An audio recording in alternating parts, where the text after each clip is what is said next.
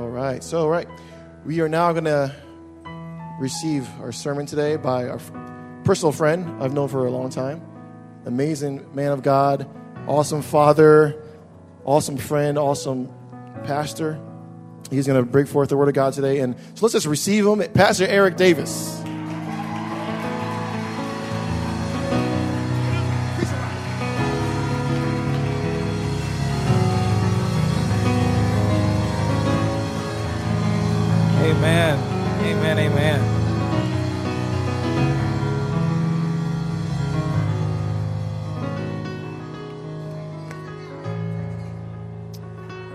God. It's good to see everybody. It's good to see everybody. Well, Father, God, we uh, just thank you again. And Lord, I pray that your word would come forth the way you wanted to come forth today. Lord God, I am your vessel. Speak through me, Jesus. Let my words be nothing, and let your words be everything. I love you. Happy Father's Day, Daddy. Amen. Amen. Amen. All right. Hey, it is good to see everyone. I was uh, I've been out for a few weeks, so thanks for everyone that has been uh, been praying for me. I feel like I I don't know, felt like I had the Ebola virus. I was struggling, struggling, struggling. So uh, I think there was three weeks where I didn't go into the office for for work. So um, I do appreciate all of the uh, all of the prayers. And it would be today that we just had this mighty breakthrough moment. Now, if y'all y'all don't know me, I love some breakthrough. It took everything I had not to grab a mic and just scream and blow what's left uh, of my voice right now. So, uh, so thank you very much. Um, I want to uh, to talk today. I'm gonna try not to be before you too long, but there is something that God has put on my heart, so I want to be faithful to go ahead and speak it, uh, speak it to the people. So happy Father's Day again to all of the uh, the fathers and the dads that are out there. Uh, this is a day that is always very uh, special and important to me. It always brings me great excitement. I know many of you have already heard my testimony, and uh, you probably not only heard it, you probably heard it a whole bunch of times. Um, to you, it probably sounds like a broken record that keeps playing over and over and over again. Uh, you may be tired of hearing it, but that's you. To me, it is a very powerful testimony and a reminder in my life of the goodness of God, of His power, and of His faithfulness. So I'm going to take one moment here at the beginning to, to say this. You see, many years ago, there was a desire and a cry inside of my heart and then the side of uh, the heart of my wife, Amanda. And that was a desire for children. And we wanted to become parents with everything that's in us. And, you know, after trying successfully to have children for a few years, we finally went to the doctor uh, just to have the doctor tell us, hey, you know what? I'm sorry, but uh, there's little to no chance that you all will have children. Um, feel free to keep trying, but uh, there's some circumstances going on here that's going to make this pretty much impossible. Uh, so at that time, uh, we began a six year struggle. That was six years of, of tears, uh, six years of me being a young husband that had no idea how to answer questions from my wife about questions like why can't we have children? Why hasn't God given us children yet? And uh, I did not have a good answer for that. I could just listen and pray. Uh, there were six years where I would go into a fully furnished uh, nursery in our home. When I say fully furnished, I mean fully furnished. Diapers were already there, crib was already there. My wife had something in faith, y'all. I'm going to go ahead and tell you.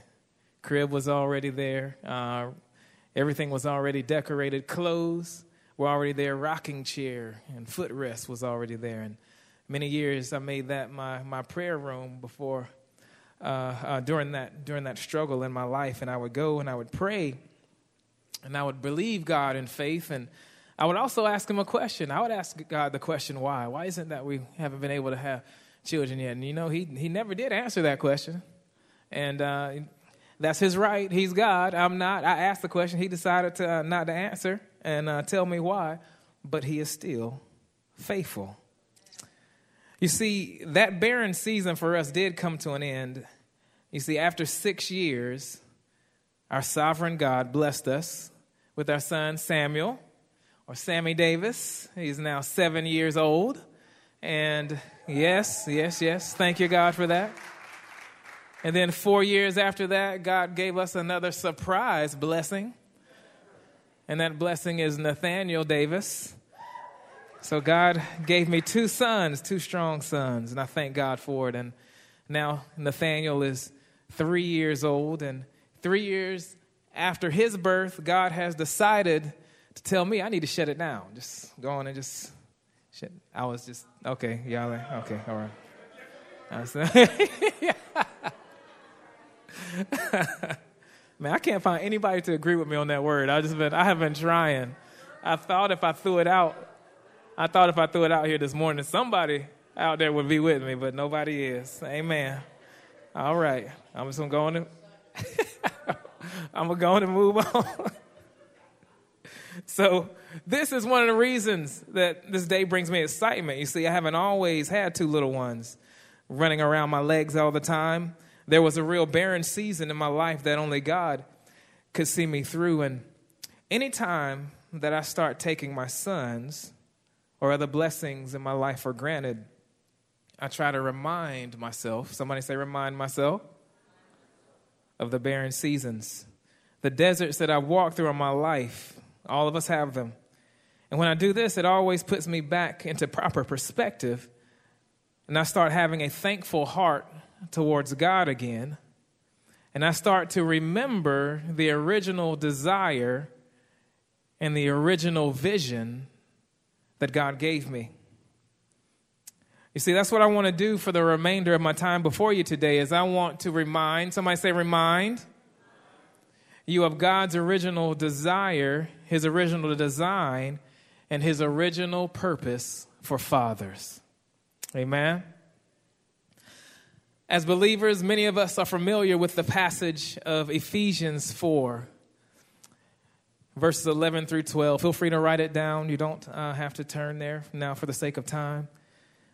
But it states there that, and he himself gave some to be apostles, some prophets, some evangelists, some pastors, some teachers, for the equipping of the saints, for the work of the ministry for the edifying of the body of Christ. These are all very important gifts that God has given his bride. However, I find it very, very interesting that when Jesus talks to and he talks about the Creator, he does not address him as apostle. He does not address him as prophet. He does not address him as evangelist or pastor or teacher. Instead, he chooses to address him as Father. Somebody say, Father. All right, we're going to be interactive today. For example, when Jesus was speaking to Philip in John chapter 14, verse 7, he said this If you had known me, you would have known my Father also. And from now on, you know him and have seen him. When Jesus taught his disciples how to pray in Matthew chapter 6 and verse 9, he said, This then is how you should pray. Our, come on, say it loud. Father in heaven, hallowed be your name. Even when Jesus was praying at the Garden of Gethsemane before his arrest, this is in Matthew 26 and 39. It says, Going a little farther, he fell with his face to the ground and he prayed. Say it loud, My Father, if it is possible, may this cup be taken from me, yet not as I will, but as you will. You see, Jesus always addressed his father as that. He called him father. Now, this is not to discredit any of the fivefold ministry and the gifts that God has given. So we're very thankful for that. But I tell you who I'm really thankful for. I am thankful that I have a father. Thankful that I have a daddy. And God has blessed me to have a wonderful, a wonderful father in the natural. I, I thank God for that. That may not be some of your circumstance, but no matter what your circumstance in this place, we have a phenomenal heavenly father. And he is a heavenly father that not only sits in heaven, but sits in the earth. He is not only present there, but He is present here right now, and that is the God that we saw a few minutes ago when we were in worship. That is His presence that was here, His tangible prayer. Come on, could you feel Him? Could you feel Him? He's tangible, He's real. That is the Father, that is the God that we serve. You see, the word Father is more than a title that you're given. And it's much more than just a name that you're called because you have biological children. You see, being a father is God's nature. Somebody say God's nature. It's his qualities, it's his character, it's who he is. And if my voice was right, I would sing that song right now. It's who he is. He's a father. Genesis chapter 1 and 27 states So God created mankind in his own image. In the image of God, he created them. Male and female, he created them. So, therefore, if we are made in the image of God and his nature, and his nature being a father, then our nature should be that of a. Come on, say it loud. Our nature should be that of a. So if he is a father, we should have the nature of a father. You know, there are many characteristics that make up the nature of a father, but there is one that I want to focus on for the next few minutes. And that nature is rulership or government. Somebody say those with me rulership, government. I want to say it again rulership, government. I'll say it again. Well, say it, say it like you mean it. Say rulership. Say it like you're ruling. Rulership. Government. government. Ah, yes. Words that we love to hate. Yeah. Words we don't like. Not in our lives. We might like it in other people's lives, but we don't like it in ours. But that's the nature, part of the nature of a father.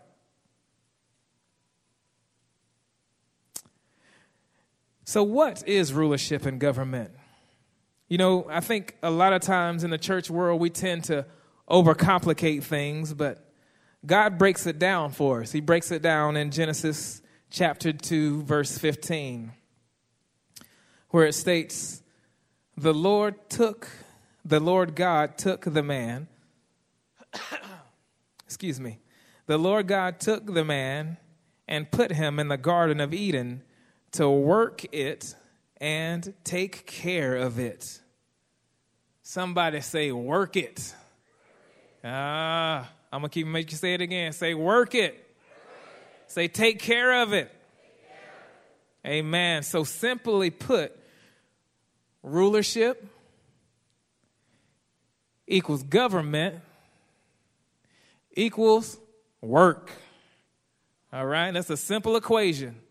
If I was a teacher, I'd write it down in my horrible handwriting. I'd say rulership equals mark, government equals mark. Then I would put this next piece in all caps when I put work Exclamation mark, exclamation mark, exclamation mark. Because that is what rulership and government is.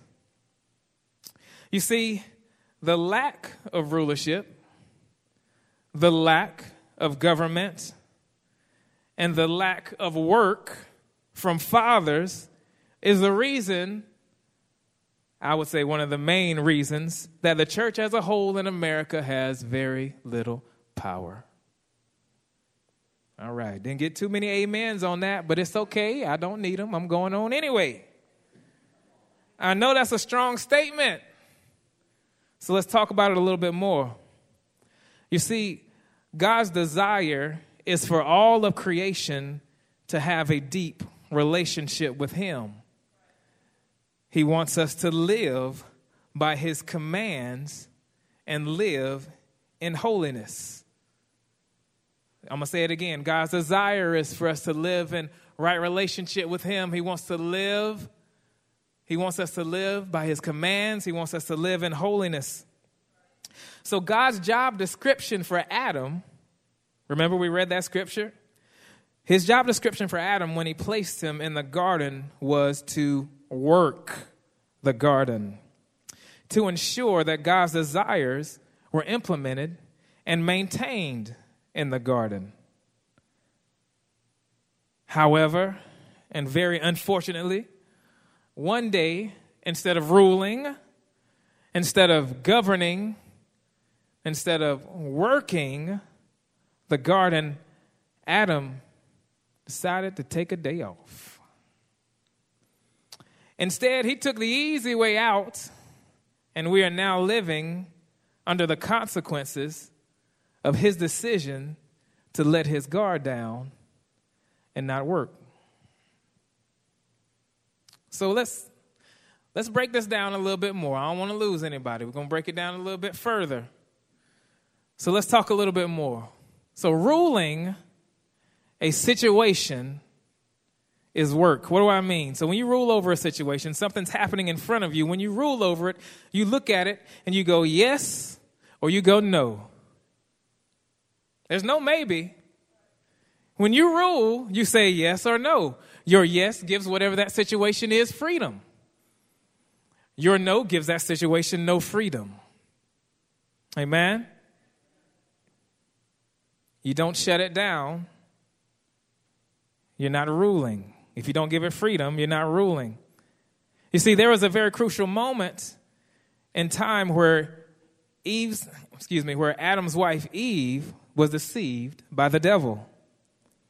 And instead of ruling over the deception of the enemy, instead of ruling over the deception that was sown into Eve, Adam decided to take the easy way out he decided that it was not worth the work to rule.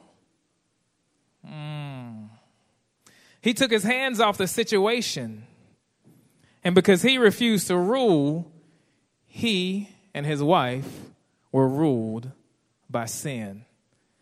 So here's the thing that a lot of people a lot of people want to shy away from rulership and say it's not worth it. I want to make this statement loud and clear. When we do not rule over sin, sin rules over us. When we decide that it is too hard to put the work in to say yes, it's too hard to put the work in to say no, then we will be ruled by sin or we will be ruled by whatever that situation is. It is work to rule. It is work to say yes and it is work to say no. I'm going to give you an example. When my child comes to me, my children come to me, daddy, daddy, daddy, daddy, daddy, daddy, daddy, because it's like it's, they won't stop, but just keep running. I can say yes. I can say yes three times. They're like, daddy, daddy, daddy, daddy, daddy, daddy. I'm like, yeah, I'm looking at you, baby. Just, I'm looking, I'm saying yes. What would you like? When they want candy, right? I have a decision to make I can either let them have candy, which is okay, or I cannot let them have candy, which is okay as well. But if I know that they have already been eating candy all day long, and I, which is very, this could be a very true statement for my children, and I know that they don't need any more, but like Adam, if I don't want to rule the situation just because I'm tired. I've been working all day, tired of all this work. I feel tired in my body, I feel tired in my mind. I don't feel like having this conversation over again, and I just decide just not to do anything, and I just, ugh, fine, just have what you want. Right? then that situation ends up ruling over me. And my children could end up with juvenile diabetes. Right? And we laugh, we think it's, it is true. So let's just, when we decide not to do anything, or when we decide to back up from places where we know we should rule, then we are being ruled. So if we are to be fathers today, we need to start ruling. We need to start governing. We need to get to work. Somebody say, get to work. So, what does that look like specifically? It looks like where do we start? How do I start ruling in my life? Well, how about we start with ruling ourselves and ruling over our own flesh, ruling over our own fleshly desires? How about we start with telling our flesh no? Woo! Anybody done that lately? It's hard to do. In a whole bunch of situations, it's hard to do. When you passing a box of soft batch cookies, hard to do. But how do I practice ruling my flesh? Practice right there. Rule it. Tastykakes. Pass them by. Twinkies. Pass them by. Pop Tarts. Pass them by. In the name of Jesus. Get behind me, Satan. Rule over your flesh and what you want in that moment. Now, I know it sounds really, really funny, but if you can't even rule over yourself when it comes to some Twinkies, how in the world are you going to rule over your flesh when the devil has you in his sights? And he, we got the children in here. I got to be careful what I say. When he sends something your way that you really, really want, your flesh start moving on the inside of you. You can't say no to Twinkies. Guess what? You're going to trip up over something else. Amen. So where do we start? Rule over your flesh. Men, we need to become men. I'm going to start meddling here a little bit. Now, we are all created out of God's nature. That's men and women alike. Amen. So just because you're a woman in here doesn't mean that you can't rule. Isn't that right? Women, women are ruling. And as a matter of fact, the women have been keeping the church afloat ruling. Whew. Thank you, women. I say thank you to all the women that have been holding it down, keeping the church afloat in righteousness and holiness because you refuse to lose your children. Thank you, women, for doing that. But come on, men.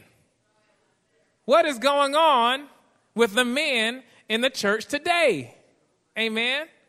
Now, I'm not singling you out specifically, but if you're starting to squirm, then the word might be for you. We are called to be the heads of our households why are our women outruling us? Why are our women not afraid to call sin sin, but we are? We have dropped the ball somewhere.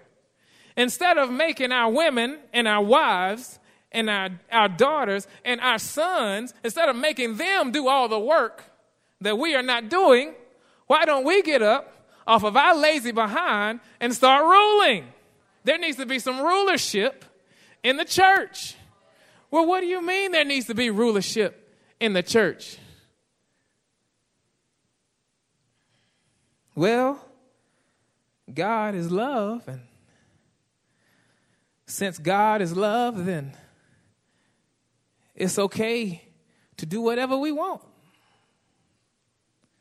Let's let that doctrine just start creeping in the church. Hey, it's real. If God is love and He gives out love freely and God wouldn't withhold something from us that we want, I mean, stuff that's not in the Bible anywhere, then it's okay for the pastor to have a wife and have somebody else on the side. He can have a wife and a concubine. It's okay for the pastor to do that these days. Just let him go ahead and it's okay. Hmm? When are we going to start ruling over these situations? When are there going to be some fathers in the church that see that mess going on? Bishop standing in the pulpit preaching the word of God, and everybody in the congregation know he got his wife and three other women that probably still in the same congregation. When some men of God gonna stand up? When some fathers gonna stand up and go, "That is sin." I am ruling over that right now. What is going on in this house is sin. You might do it at your house, but that is not coming in my house. Amen. We got some fathers that do that. It doesn't matter what your title is. You don't have to be a bishop to do that. You don't have to be a pastor to do that. You can be the chief toilet bowl cleaner. That's all right. Most pastors and bishops and stuff, if you right with God, do that anyway. You can be the chief toilet bowl cleaner and still call sin sin. Well, if God is love, God would not want us to deny what we want. And if God is love, God again has evolved and, and homosexuality is okay. It's okay. He loves us.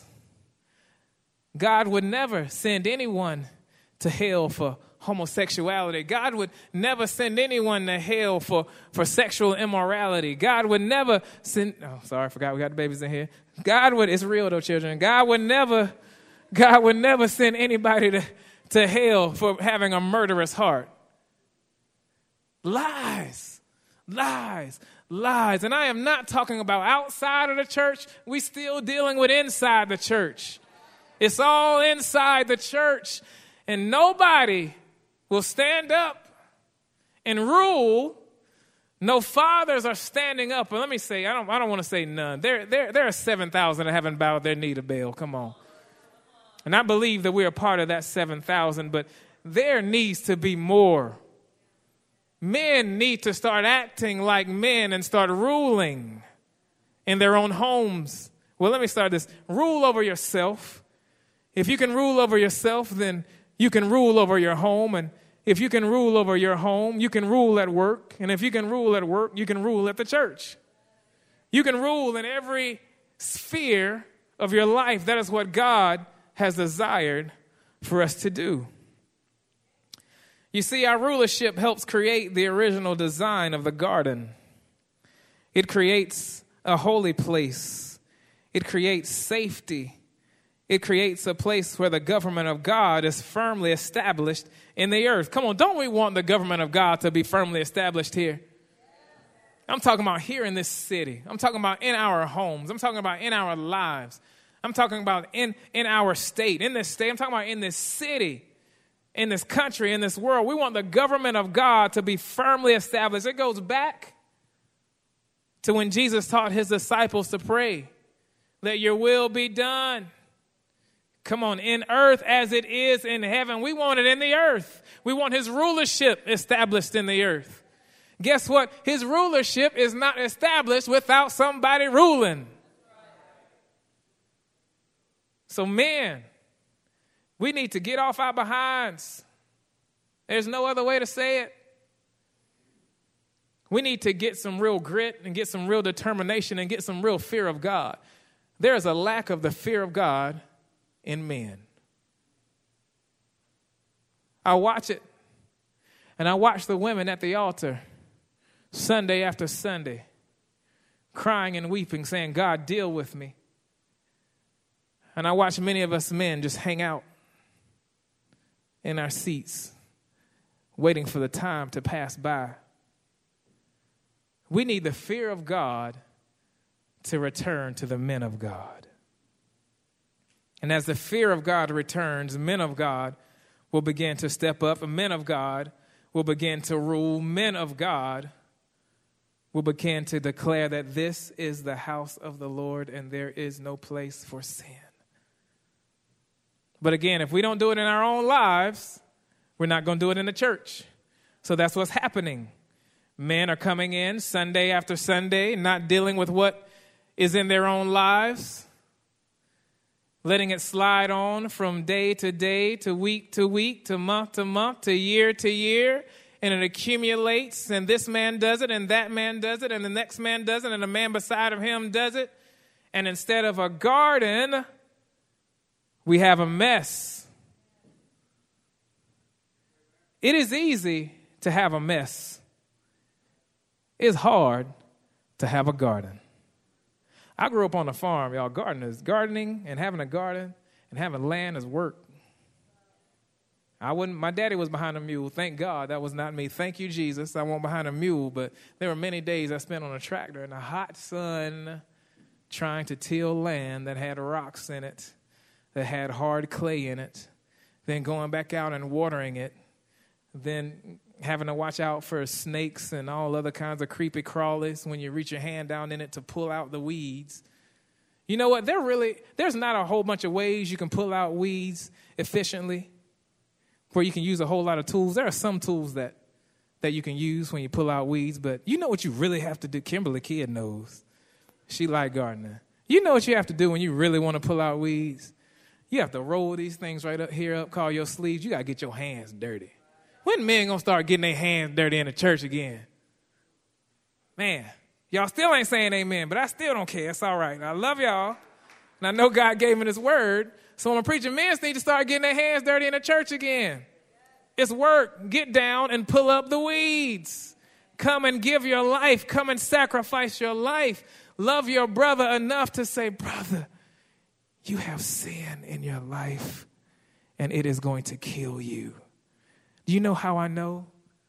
Because I had this sin in my life and I took it before the Lord and He healed me and He rid me of it. And I am going to believe for you just like I believe for me, and I will walk with you to see this thing out of your life. But I am not going to lie to you and tell you that your sin is okay. That's the easy way out. You want no work? No work is lying to somebody and saying your, your, their sin is okay and, and ignoring it.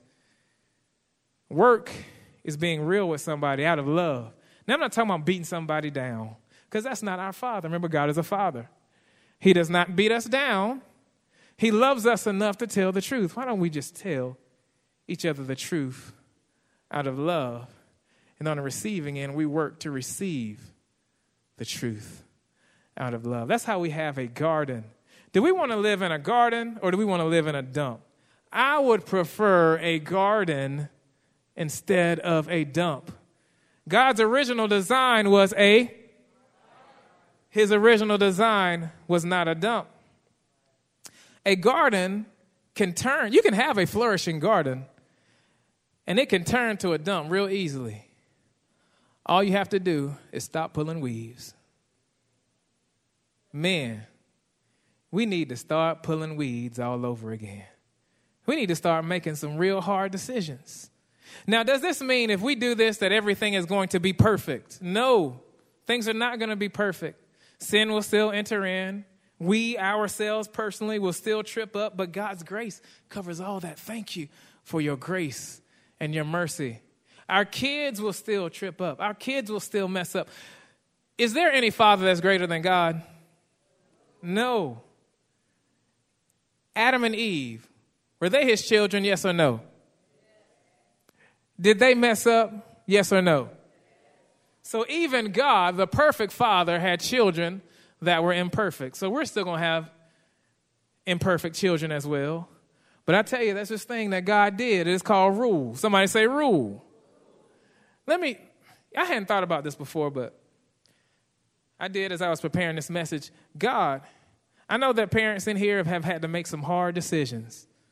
I know some of you have. And I know parents and friends and family members have had to make hard decisions when their children just would not get it right under their rulership. Now, they were ruling, and their children would not get it right. When their children got, children got age, they said, Not in my house, and you got to leave. Did you know God did that? God kicked Adam and Eve out of the garden. He said, Well, since you cannot obey, since clearly we have been walking with each other for so long and you cannot get yourself together, I could not trust you to eat from this tree, then I know I cannot trust you to eat, not uh, to obey me and not eat from the tree of life. So guess what? You have to get out my garden. I still love you. I'm gonna come visit you at your place. You can't come back here though. And as a matter of fact, I'm hiring SEAL Team 6 to guard the door to make sure you don't get back in. If you don't believe me, read the word. It is in the word. He put a angel at the door with a sword of fire. Not just it wasn't enough just to have an angel there. They had to have a sword of fire. Make sure they weren't going to be able to get back in. So God rules. If there is anything in us that says God is not one that rules. He is not one that judges. He is not one that says yes and no, then we are lying to ourselves. God by nature is a father and fathers by nature rule. And I believe that there are some fathers in this place that want to get back to their original design. I believe that there are some fathers in this place that want to get back to the original thing that God has created us to do, and that is to rule. And I have news for you today. If you are young in this place and you don't have your own children yet, guess what? This word is for you too. Because before Adam and Eve had children, God had already told them to rule. Somebody say, rule. So, young men, let me tell you if you can begin to rule in your life right now, before you are married, if you can rule in your life right now, before you have children, then rulership will be easier when you do have a wife and when you do have children. And notice I said easier because rulership never is easy. Do you think it was easy for God to separate himself from Adam and Eve in the place where he sent them out of the garden. Do you think that was easy? That was an easy just decision for him. I'm sure it broke his heart, yet he still did it. He didn't leave him. He was still with him, but he made hard decisions. If God makes hard decisions, then we have to make hard decisions. We need to rule. All right, so men of God, this is my challenge to us today. As I close here, trying to keep an eye on time, let's get back to ruling. Let's start with ruling over our own lives. No matter how simple that may sound, rule over your own flesh. The sinful desires that you have in your life now, take them before the altar and let them die. Do not allow them to live in your life. Because what happens is we as men, when we allow things to live in us, we not only separate ourselves from God, when we separate ourselves from God, we separate ourselves from our rulership. When we don't want to call something out in our own life, we want somebody else to give us a pass. So we don't want to rule over others because we want others to give us a get out of jail free card. We want that car that allows us to go all the way around the Monopoly board straight to go. When we need to stop, get before the Lord, and deal with ourselves.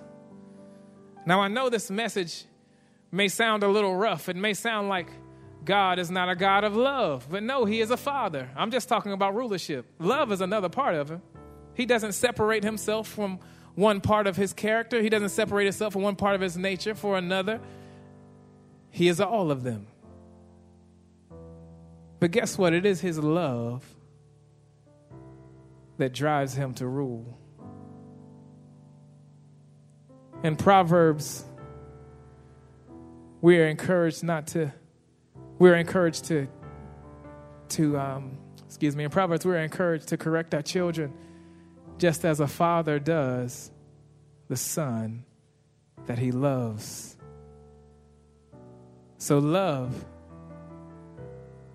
is what drives us to discipline. Love is what drives us to correction. So, men of God, before we can start ruling anybody else, How, we, how about we start ruling over ourselves? And, pastors, I don't.